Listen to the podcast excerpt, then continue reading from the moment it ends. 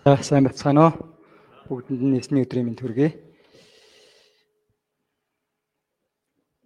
Тамаш ойрхон одоо уулзсан тий. Эсний үгийг одоо номлох уу гэд намаас надаас асуухаар нь заа гэд одоо дуулгартаа дагсан. Тэгээ өнөөдрийн номлын нэр маань анхны тэмдэг гэсэн нэртэй байна. Хамт гол ишлэл 2-ын 11 дугаар ишлэгийг уншицгаая. За. Хэлээ. За. Есүс тэмдгүүдийнхээ эхлэлийг Галилийн Канаад үлдэж алдраа ижилсэнд шавнырын түнд итгэсэн юм аа. За би залбирая. Хайртай хэзэмнэ танд баярлалаа. Сул дорой гэмтээ биднийг Есүс Христийн нандинсаар аварч гисэн талархаж байна. Энэ өдрийг зөвшөөрөн өгч танд хүндэтгэл мөрөглийг өргөж таны үгнээс суралцахын цагийг зөвшөөрөн өгч чад баярлалаа. Яохан 2 дугаар бүлгийн эхний хэсгээр дамжуулан та бидэнд бас юуг илчилж, юуг ойлгуулж, ямар үгийг хэлхийг хүсэж байна. Тэр үгээ та бидэнд бас ариун сүнсээр тунхаглан айлдж өгөөч. Сонсож байгаа хүмүүр таны үгийг бас хүлээн авч, даруй зөрсгөлээр бас дуулууртай дахад та удирдах өгөөрэй. Та бидэнд яг юу хэлж ойлгуулахыг хүсэж байна. Тэр л үгээ энэ цаг мөчид та тунхаглаж өгөөч. Сулдраа хүүгийнхээ амаар дамжуулан та ярьж өгөөрэй. Энэ цагийг ариун сүнсээр удирдах өгөөрэй. Есүсийн нэрээр даатхан залбирч байна. Амен. За өнөөдрийн үг бол Галилийн Кан хотод үйлцэн анхны тэмдгийн тухай байгаа. Тэгэхээр Есүс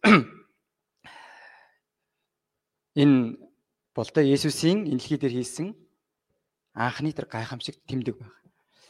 Энэ анхны тэмдэг нь усыг дарс болгосон үйл явдлаар дамжуулаад Месиагийн мөн чанарыг илэрхийлж байгаа бөгөөд шамнарын итгэлийг ч гэсэндэ батжуулан өгсөн байна.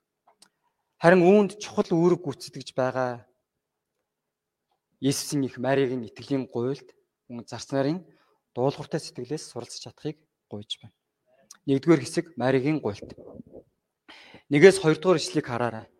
Галилийн Канад нэгэн хурим болсон бөгөөд тэнд Есүс шавнарын хамт уригдсан байл. Мөн Есүсийн их Мариач гэсэн тэнд байжээ үйлслэлээ дөнгөж эхлүүлээд маш завгүй байсан ч гэсэн Есүс энэ хурмыг өрөөхийн тулд урилгыг хүлээн авч оролцсон. Тухайн үед хурмын ёслол нь юудэчийн юудэчүүдийн хувьд хамгийн хайр ивэлтэй зүйлийн нэг байсан баг. Хурим 7 хоног үргэлжилж залуу хос цэцгэн титэм өмсөж эрдэнсээр чимсэн гоёмсог хувцсыг өмсөн хаан хатан шиг л үйлчлүүлдэг байсан. Энэ хугацаанд гашуудлын үйл ажиллагааг хориглож мацаг барих гэх мэт шашны заншлаас гэсэндэ чөлөөлөгддөг байж. Гэтэл гэр бүл болж гэр бүл болж буй хос баяр хөөрөөр дүүрэн уригдсан хүмүүс гэсэндэ энэ өдрүүдэд хамтлаа цадтлаа идэж уун баяр хөөртөө найрладаг байв.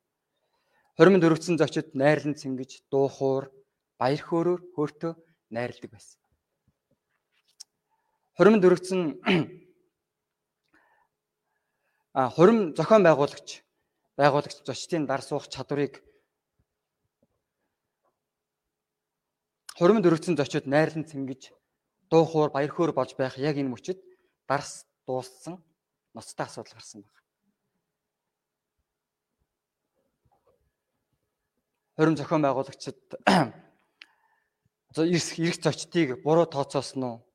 Эсвэл амт дарс амттай дарс те байсан учраас хүмүүс ихээр уусан уу? Эсвэл дарс уух чадварыг дутуу үнэлсэн үү те мэдэхгүй. Ямар ч дарс хурдан дууссан баг. Дарс нь хүмүүсийн сэтгэлийг хөгжөөдөг учраас хурмын зайлшгүй байх ёстой зүйлийн нэг байв. Хурмын найр дарсгүй болсон нь үнэхээр яаралтай шидэхгүй бол найрын уур амьсгал уйдгартай болж ингэснээр шин хос ичгүүртэй байдалд орох байсан. Тухайн үеийн заншлаар хурим найрын эснийг шүүхэд өгөх шалтак болох хүртэл асуудал байв. Харин илүү том асуудал нь бүгд хурмын уур амьсгалд автагдаад хэн ч энэ асуудалд санаа тавихгүй явдал байл. Энэ чухал мөчөд Иесусийн их Мария асуудлыг олж харсан байна. Уг нь Мария зочдын нэг учраас өөрт хамаагүйгээд зүгээр идэж уугаад явж болох байсан. Эсвэл яагаад энэ дарс яагаад баг дарс бэлдсэн юм болоо гэж бусдыг шүүж буруутган сууж болох байсан баг. Харин Мария тэр хурманд үйлчлэгчийн зүр сэтгэлтэйгээр оролцжээ. Мариан хурмын найраар шинэ хүргэн ба ирсэн зочид баяр хөөр ба ёроолыг дүүрэн аваасаа гэж хүсжээ. Мари үйлчлэг сэтгэлтэй байсан учраас бусад хүмүүс хараагүй асуудлыг харж бусдын мэдрээгүй зүйлийг мэдэрсэн байна. Гэхдээ түүний гэхдээ энэ түүний шийдвэрлэж чадах зүйл биш байсан. Харин энэ асуудлыг найрын эзэнд аваачхын оронд харин Есүс тавчирч тэд дарсгүй болжээ гэж хэлсэн баг. Тэр Есүс энэ асуудлыг шийдэж чадна гэж итгэсэн учраас түүнд энэ асуудлыг авчирсан бөгөөд түүний хийж чадах зүйл нь энэ байв. Энэхүү Маригийн гуйлт нь Есүст хандсан итгэл байсан учраас юм аа. Бид асуудлыг хараад хариуцсан хүнд нь хандах нь илбэг байдаг. Энэ асуудал нь Есүст огт хамаагүй юм шиг бодох нь амархан. Заримдаа би заавал шийдэх ёстой асуудалтай тулгархдаа энэ асуудлыг Иесуст хэлэх нь бодит шийдэх тэр арга бишээ гэж санагдахгүй байдаг. Харин Мария яасан бэ? Асуудалтай тулгарх үедээ хамгийн түрүүнд Иесус дээр итгэлээр авчирсан. Бид Маригийн энэ чанараас суралцах хэрэгтэй юм аа. Хаана ямар хэрэгцээ, дутагдал байгааг ажиглаж харах сүнсний нүд мэдрэмжтэй байснараа асуудлыг цаг алдалгүй шийдвэрлэж чадах юм. Ихэнхдээ хүмүүс болж бүтэхгүй зүйлсийг хараад яадаг лээ. Тэр чинь болохгүй байна, эн чинь болохгүй байна. Гэх мэтэр бурууж шүүмжилж олон үг хэлэх нь амархан байдаг. Хаанч очисон ямар нэг асуудал байдаг, дутагдaltaй зүйл харагдчихл байдаг. Ямар ч алдаа дутагдалгүй төгс зүйл гэж байхгүй. Магадгүй бидний эргэн тойронд ажил дээр юм уу, сургууль дээр эсвэл гэр бүл чуулган ч гэсэндээ олон асуудал дутагдал танд ажиглагдаж болох юм. Та үүнийг сүнсний дээр хараад шүүмжилж буруутгахын оронд харин юуны төрөнд Есүстээр авчрах хэрэгтэй юм. Амен. Гэхдээ Мари асуудлыг Есүст авчрахад юу болсон бэ? Дөрөвдүгээр ишлэгийг хараарай.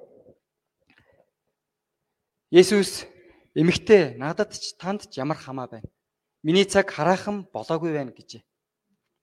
Есүс ээжигээ хин гэж дуудсан байна. Эмэгтэй гэж дуудсан хүүтэн хүндий хандж байгаа мэт сонсогдож байна тий. Гэхдээ хүүгэн ёсоор бус харин Месегийн байр суурнаас ээжтэйгээ харилцсан байна. Тэрээр үйлчлэлээ эхлүүлсэн учраас Бурхны хүсэл ба бас түүний цаг тааруулан ажиллах ёстой байсан. Тиймээс ч надад ч танд ч ямар хамаа байна вэ? Миний цаг хараахан болоогүй байна гэж хэлж байгаа. Тэрээр ээжтэй болон хүмүүс таалагдахын тулд бус хүмүүсийн хүсэл шаардлагын дагууч ажилтгүй гэдгээ үгээр илэрхийлж байна. Есүс өөрийн дураар биш. Харин үргэлж Бурхны цагийг дагдаг байсан. Есүс тэдний асуудал хамаагүй учраас оролцохыг хүсээгүй дээ гэж хэлээгүй. Харин ч Есүс бидний асуудал бүрт санаа тавьж шийдвэрлэхийг хүсдэг юм аа.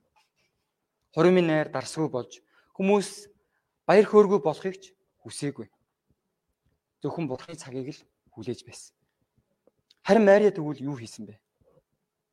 Есүсийн хэлсэн хариулт шууд татгалж байгаа хариулт шиг сонсогдсон баг. Гэхдээ Мария Есүсийг ямар нэг аргаар ажилтна гэж бүрэн итгэж байсан. Цаг нь болоход Есүс ямар нэг зүйлийг хийнэ гэж найдаж чимээгүйхээр түүний ажиллах нөхцөлийг бэлтгэсэн юм.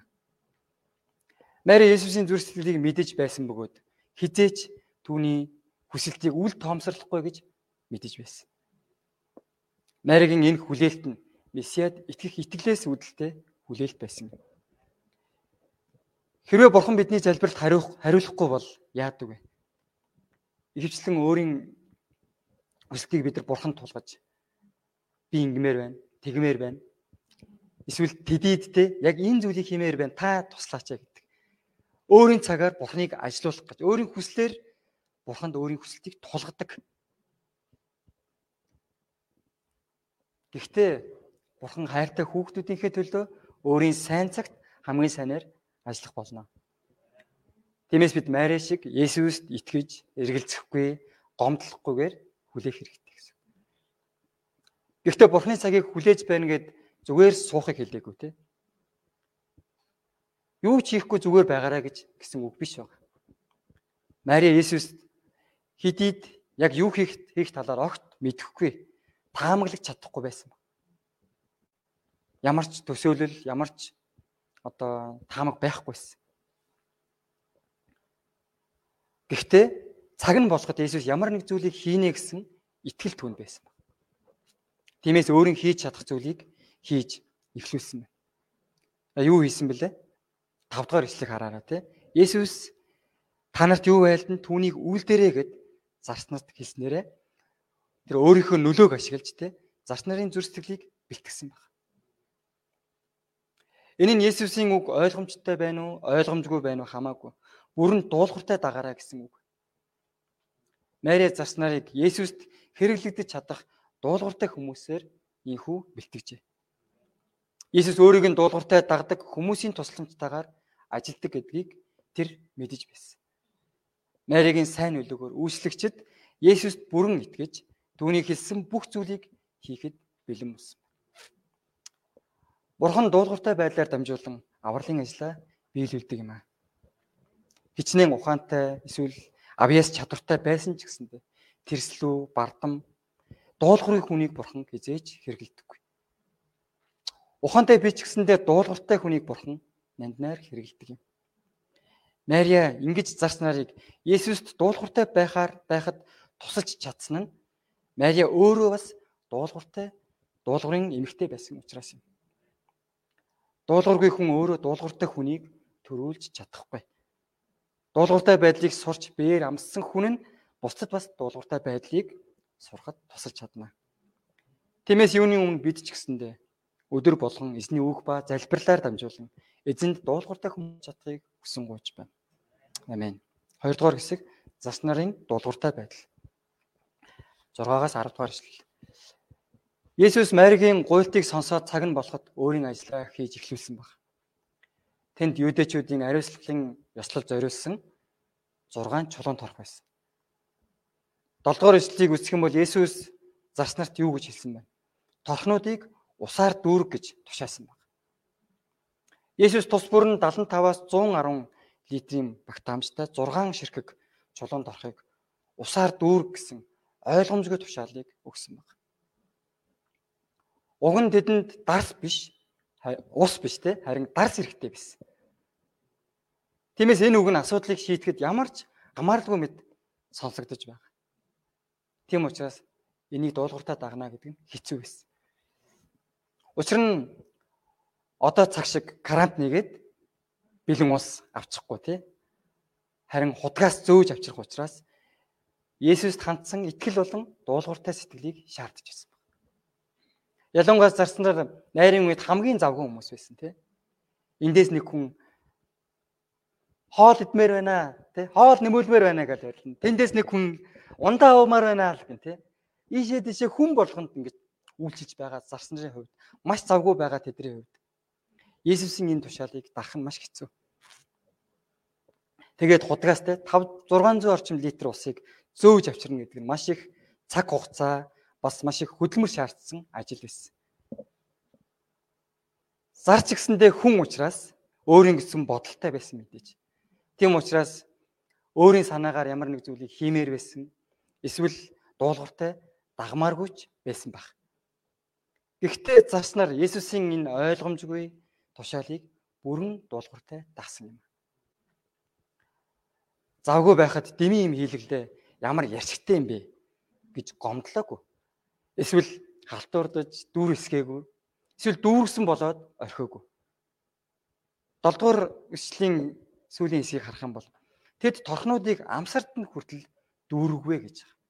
Амсарт нь хүртэл дүүргэсэн гэж. Энэ нь тэд Есүсийн үгийг бүрэн дуулууртай дагсан гэдгийг илэрхийлж байна. Тэгэд Есүс ямар нэг нэгэн гайхамшиг үзүүлнэ гэж итгээд идэвхтэйгээр бүрэн дуулууртай дагсан байна. Дуулууртай байдал нь Есүст итгэх итгэлтэй байхад л боломжтой юм. Заримдаа бурхан бидний оюун ухаан мэдлэгээс гадуур давсан тэ нуустдаг байдлаар ажилдаг. Исая 50 55-ын 9-д хэлэхдээ Тэнгэрс газраас өндөр байдаг шиг зам минь та нарын замаас бодол минь та нарын бодлоос өндөр билээ гэж хэлсэн. Олон хүмүүс ойлгохгүй байгаа зүйлийг дагахыг хүсдэггүй. Яагаад дах ёстой гэж үр дүн нь яг юу вэ? Чи ямар ч ойлгомжгүй зүйл байна шүү дээ. Гих мэтэр маш олон зүйлийг хэлж шалтак тоочж тэ дагмааргүй байдаг. Гэхдээ бид Бурхныг хүний оюун ухаанаар хязгаарлаж чадахгүй юм. Ийм учраас бид Бурханд бүрэн итгэж бодол бүрийг түүнд олцлуулан Христэд дуулууртай байлгахын тулд өөрсдөө бас сургах хэрэгтэй гэсэн үг. Тэд зарц учраас дуулууртай дагсаан гэж бас ойлгож болох юм те. Гэхдээ Тэд чин сэтгэлээрээ сайн дураар дуулууртай байсан учраас амсарт нь хүртэл дүүргэсэн байна. Энэ нь Есүст хандсан итгэл байсан учраас юм аа. Ийхүү тэд арай гэж усыг дүүргээд заа жоохон амраатахыг гэж бодож исэн баг тий.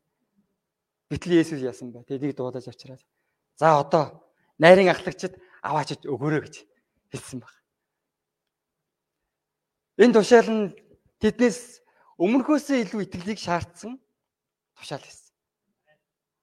Яагаад гэвэл тэд нар ус гэдгийг мэдэж байгаа. Тэгээ найрын ахлагч тэрвээ энэ усыг аваачаад өгөх юм бол зэмлэл хүртэж тэгээд шийтгүүлэх хүртэл тийм аюултай байсан. Тиймээс өмнөхөөс илүү дахад хэцүү тушаал байна. Гэхдээ зарц нар яасан бэ? Дуулууртай дагаж найрын ахлагчид усыг аваачиж өгсөн. Найрын ахлагч дарс болсон усыг амсаад тэр дарс хаанаас би босныг мдээгүй учраас шинэ хүргэнийг дуудаж аливаа хүн эхлээд сайн дарсаа гаргаад хүмүүсийг согсны дараа муухнаа гаргадаг. Гэтэл чи сайн дарсаа одоо хүртэл хадгалсан байжээ гэж хэлсэн байна. Эндээс зарц нарын торхонд зөөж хийсэн ус нь хамгийн сайн дарс болсныг гэрчиж байна. Энэ бол зарц нарын дуулууртай байдлаас бий болсон дарс юм аа. Энэ дарснаас болж хурмын найр улам илүү баяр баясгалантай, аз жаргалтай, хөгжилтэй болж ерөөлийг авсан. Хэрвээ зарснаар дуулууртай дагаагүй бол Мариа тэдэнд итгэл ба сэтгэлийн бэлтгэлийг хийгээгүй бол энгийн нэг ус хотын ус хамгийн сайн дарс болон өөрсгдөг гайхамшиг бий болохгүй байсан. Харин энэ дарс хаанаас бий болсон бөгөөд хэн энэ гайхамшиг зүйлийг хийснийг хэн мэдэж байсан бэ? Мария болон зарснаар л мэдж байсан. Тийм учраас тэд Бурхны ивэлийг дүүрэн авсан юм аа. Амен. Зарснаар Есүсийн ойлгомжгүй тушаалыг дуулууртаа дагсан учраас гайхамшигыг харсан. Юу гэнэ? Тушаалыг дуулууртаа дагсан учраас Есүсийн тэр гайхамшигт ажлыг олж харсан юм. Энэ мэд дуулууртай байдал нь Бурхны гайхамшигт ажлыг харах үндэс болдог. Есүс шавнараа дуудахтаа намайг даг гэсэн ойлгомжгүй үгийг хэлэхэд тэд дуулууртай дагаж байсан. Тэмч учраас тэд дуулууртай дагаж сүнсний эцгүүд агуу удирдахчид болон бурхны ажилд хэрэглэгдсэн. Бурхан ноод хөөгч авдар хий гэж тушаалыг өгсөн. Гэхдээ ноод дуулууртай дагсан. Бурхны тушаал нь ойлгомжгүй бөгөөд хүмүүс шоолон инээлдэж тухуурхаж байсан ч ноо эцэс хүртэл дуулууртай дагснаар Түүний гэр бүл их үерээс аврагдаж чадсан. Бурхан Авраамд юу гэж альцсан бэ? Чи их нутгаас төрлүүдээс мөн эцгийнхээ гэрээс гарч чамд миний харуулах нот руу явагтун гэсэн тушаалыг өгсөн мэд. Гэхдээ Авраам хаашаага яваагаа мэдэхгүй ч гэсэн Бурханы тушаалыг дуулууртай дагсан юм. Тинхүү тэр ерөөлийн үндэс сүнсний эцэг болох ерөөлийг авсан баг. Есүс ч гэсэн өөрөө дуулууртай байсан юм. Есүсийн амьдрал дуулууртай байдлаараа онцлог байсан. Бага насндаа эцэг эхийнхээ үгэнд дуулууртай байсан. Есүсийн үйлчлэл нь Тэнгэр дэх эцэгтэй бас дуулууртай байх явдал байсан. Хэдийгээр тэр Бурхны хүү байсан ч гэсэндэ загалмайн үхэлт хүртэл дуулууртай байсан юм. Есүсийн загалмай бол дуулууртай байдлын загалмай байсан. Дуулууртай байдал нь аяндаа ирдэггүй харин суралцдаг чанар юм. Еврэ 5:8 дэлхтэй. Тэрээр хүүн байсан хэрн зовсон зүйлсээсээ дуулуурт суралцсан гэж. Дуулууртай байдлыг сурахгүйгээр бид Бурхны өрөөлийг амсаж хүч чадлыг мэдэрч чадахгүй. Бурхныг дуулууртай дагдаг хүмүүс бол үнэхээр ухаалаг, зоригтой хүмүүс бөгөөд хамгийн өрөөлтэй хүмүүс юм аа. Бурхан зарцнаар шиг дуулууртай ажилладаг, ажилдаг цөөн хүмүүсээр дамжуулан гайхамшигтай ажлыг хийж алдраа илэрхийлдэг Бурхныг болон Бурхны үг болсон Библийг 100% дуулууртай дагахад гайхамшиг бүтээж төгсгүү чадaltaй Бурхныг биеэр мэдрэх ерөөлтэй амьдралаар амьдрч чадах билээ. Бурхан манай чуулганд Мари шиг итгэлийн хүмүүс болон Есүст бүрэн дуулууртай хүмүүсийг олон олноор босгож өгөхийг хүсэн гуйж байна. Амен. 3 дугаар хэсэг алдраа илчилсэн Есүс. Хамтдаа 11 дугаар ишлэлийг уншицгаая. За эхлэе. Есүс тэмдгүүдийнхээ эхлэлийг Галилийн Канаад үлдэж алдраа илчилсэнд шавнар нь түүнд итгэсэн юм аа. Хурмын найранд усыг дарс болгосон Есүсийн зорилгыг эндээс ойлгож болно. Энэ нь өөрийгөө шав нартаа месиа бөгөөд өөрчлөх хүч чадалтай Бурхны хүү гэдгээ ислэх явдал байсан. Энэ зорилгынхаа дагуу ямар ч амтгүй үнэн үнэргүй усыг амттай сайхан дарс болгон өөрчилсөн. Энэ бол Бурхны үйлдсэн гайхамшиг юм. Есүсийн хувьд бүх зүйл боломжтой юм тэрч байтугай хүмүүсийг ч шинэ бүтээл болгон өөрчлөх чадaltaй юм аа. Энгийн нэгэн загасчин Петрийг түүхэндх хамгийн нөлөө бүхий Бурхны хүн болгон өөрчилсөн. Есүс өөрчилж чадахгүй сул тал, гемт хүсэл, муу зуршил, зан чанар гэж байхгүй.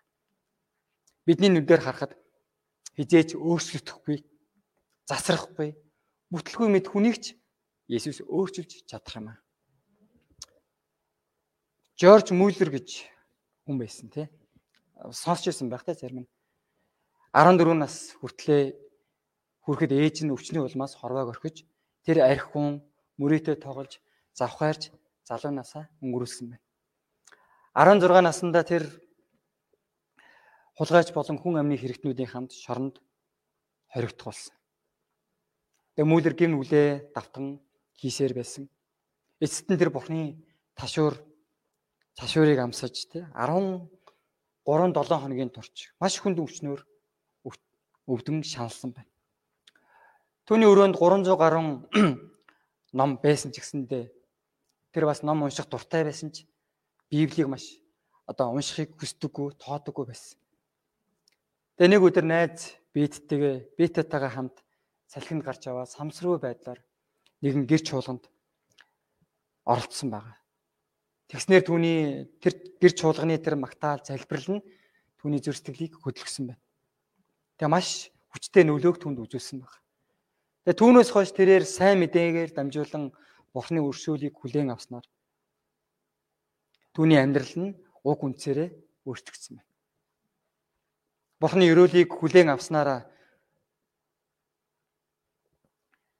тэр өөрчлөгдөж Библийн сургуульд суралцаж Бурхны үгийг барин залбирч ихэсний үр дүнд Бристил хотод дэлхийн хамгийн том асрамжийн газрыг нээсэн баг.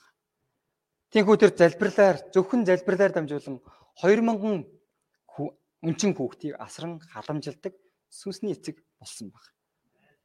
Түүний ажилуулдаг энэ асрамжийн газар нь 66 жилийн турш 50 150 мянган өнчин хүүхдэд Бурхны хайрыг мэдрүүлж өөр амьдралаар амьдрахад нь тусалсан байна бас Библийн сургууль Библийн төвийг байгуулад эзний үгийг тараах үйл ажиллагааг зохион байгуулсан байна. Жорж Мюллер Библи уншиж Библийг тунгаан бодох цагийг хамгаас чухалд тооцсон тооцож байсан бөгөөд 200 удаа Библийг уншсан байна. Тэрээр өөрийн хэлсэн үгэндээ итгэлийн амьдралын эхний жилүүдүүд би Библийг чухалчлаагүй бөгөөд тэр үед миний амьдрал баяр хөөргүй зөвхөн шашинлаг нэгэн байсан гэж хэлсэн байна. Харин Библийг тунгаан бодож, бясалгаж ихэсний дараа зүр сэтгэл нь баяр хөөрөөр дүүрч Бурхны өрөөлийг амсаж ихэлсэн гэж хэлжээ. Бурхны үг Жорж Мүлдрийг Библийн хүн гэж хэлэгдэх хүртэл гайхалтайгаар өөрчилсөн юм а. Үүний нэгэн адил биднийг ч Бурхан өөрчилж шинэ бүтээл болгосон бөгөөд өдрөөс өдөрт өөрчилсөөр байгаа юм. 2 дугаар Коринт 5:17 дугаар ишлэлд Тиймээс хэн нэг нь Христ дотор байвал тэрээр шин бүтээл мөн гэж хэлсэн. Харагтун хуучин нь өнгөрч шин болсон байна гэж. Шин бүтээл нь шин төрөлтийн төрөлтийг илэрхийлдэг. Энэхүү шин төрөлт нь баяр хөөртэй шин амьдралын жинхэнэ эхлэл юм. Энэхүү шин амьдрал бид Христ дотор төлөвшөх хүртлээр тасралтгүй өсөх ёстой. Есүс биднийг өдрөөс өдөрт өөрчлөхөд бидний баяр баясгалан нэмэгддэг. Цаг хугацаа өнгөрөх тусам итгэлээр өсөж Есүс дахин ирэхтэр мөч хүртэл бүрэн өөрчлөгдөх болно. Амен. Есүсийн усыг дарс болгосон гайхамшиг нь маш сонирхолтой байдлаар хийгдсэн байна. Түүний их Мария хурмын найранд үйлчилж байгаа зарц шав нартай харилцах харилцааны хүрээнд хийгдсэн байна. Тэд бүгд л Есүсийн алдар сууг ишлэхэд чухал үүрэг гүйцэтгэсэн байна. Мари итгэлээр Есүст очин залбирсан. Зарснаар дуулууртай дагахтаа Есүст итгэж байсан. Энэ мэд чимээгүйхэн Есүст хандан залбирч дуулууртай сэтгэлээр ард үйлчилсэн хитгэн хүнээр дамжуулан Бурхны гайхамшигт ажил бий болжээ. Өнөөдөр та бид Бурхны алдрыг харахыг хүсэж байна уу? Түүний гайхамшигтай хүч чадлыг амьдралдаа амсаж мэдрэхийг хүсэж байна уу? Амен үү? Тэгвэл Есүст итгэх бат итгэлээр залбирч түүний үгийг даруй зүр сэтгэлээр дуулууртай дагаарай. Амен. Хэцүү сонсогдож байна? За. Удахгүй намрын библийн конференц болох гэж байгаа тийм. Тэгээд бид бодит байдлыг харах юм бол янз бүрийн бид нар бодит асуудлууд бас гарч ирж байгаа байх. Хонтой явмаар байна. Фишинг хийж амжихгүй, урилга тарааж амжихгүй. Дагуулж явах хон байхгүй тий. Бэлтгэл ажил сайн хангадаагүй байна. Зарим нь санхүү болон цаг завын асуудалтай байна. Гэх мэтлэнгээр маш олон асуудал бидний өмнө тулгарч байгаа байх. Гэхдээ асуудал байгаа нь бурхан биднийг өөр өөрөөгөө улам ойртуулахын тулд юм аа. Улам хичээнгүйлэн залбирч итгэлээр үйлдэхийг хүсэж байгаа учраас юм. Тиймээс бурханы алдрыг харж Есүсийн Есүсийг дахин шинээр суралцж чадахыг хичээнгүйлэн суралцахын тулд хичээнгүйлэн бурханы өмнө өдөр бүр майраа шиг очин залбирч зарсан шиг дуулууртай үлдэж чадахыг хүсэн гуйж байна. Амен. Хамтдаа залбирцгаая. Хайртай эзэмнээ танд баярлалаа. Иесусийн Кан хотод үйлдсэн анхны тэмдгийн талаар бидэнд зааж өгсөнд талархаж байна. Үнэхээр та энэхүү усыг дарс болгосон гайхамшигт үйл явдлаар дамжуулан шав нарын итгэлийг үсгэсэн байна. Үнэхээр та өнөөдөр бидэн ч гэсэндээ бас бидний амьдралд гайхамшигтай зүйлсийг хийж бидний итгэлийг ч гэсэндээ улам илүү өсгөж таныг улам илүү таньж мэдгэд та удирдах өгөөч гэж хүсэн гуйж байна. Үнэхээр бид эзэн таны үгэнд итгэж таныг дуулууртай дагах зөрсдөгдийг бидэнд дүүргэж өгөөч гэж хүсэн гуйж байна. Есүсийн үйлцэн гайхамшиг нь Мариагийн итгэлийн залбирал болон зас нарын дуулууртай байдлаар үлдгэсэн шиг өнөөдөр бид ч гэсэндээ таны хүсэл болон таны цагийг хүлээж дуулууртай дагахад итгэлийг бидэнд зөвшөөрж өгөөрэй гэж гуйж байна. Энэ цагта хамт байж бидэнд өгөөхсөнд баярлалаа. Бүхнийг тандаатхан талархан Есүсийн нэрээр залбирч байна. Амен.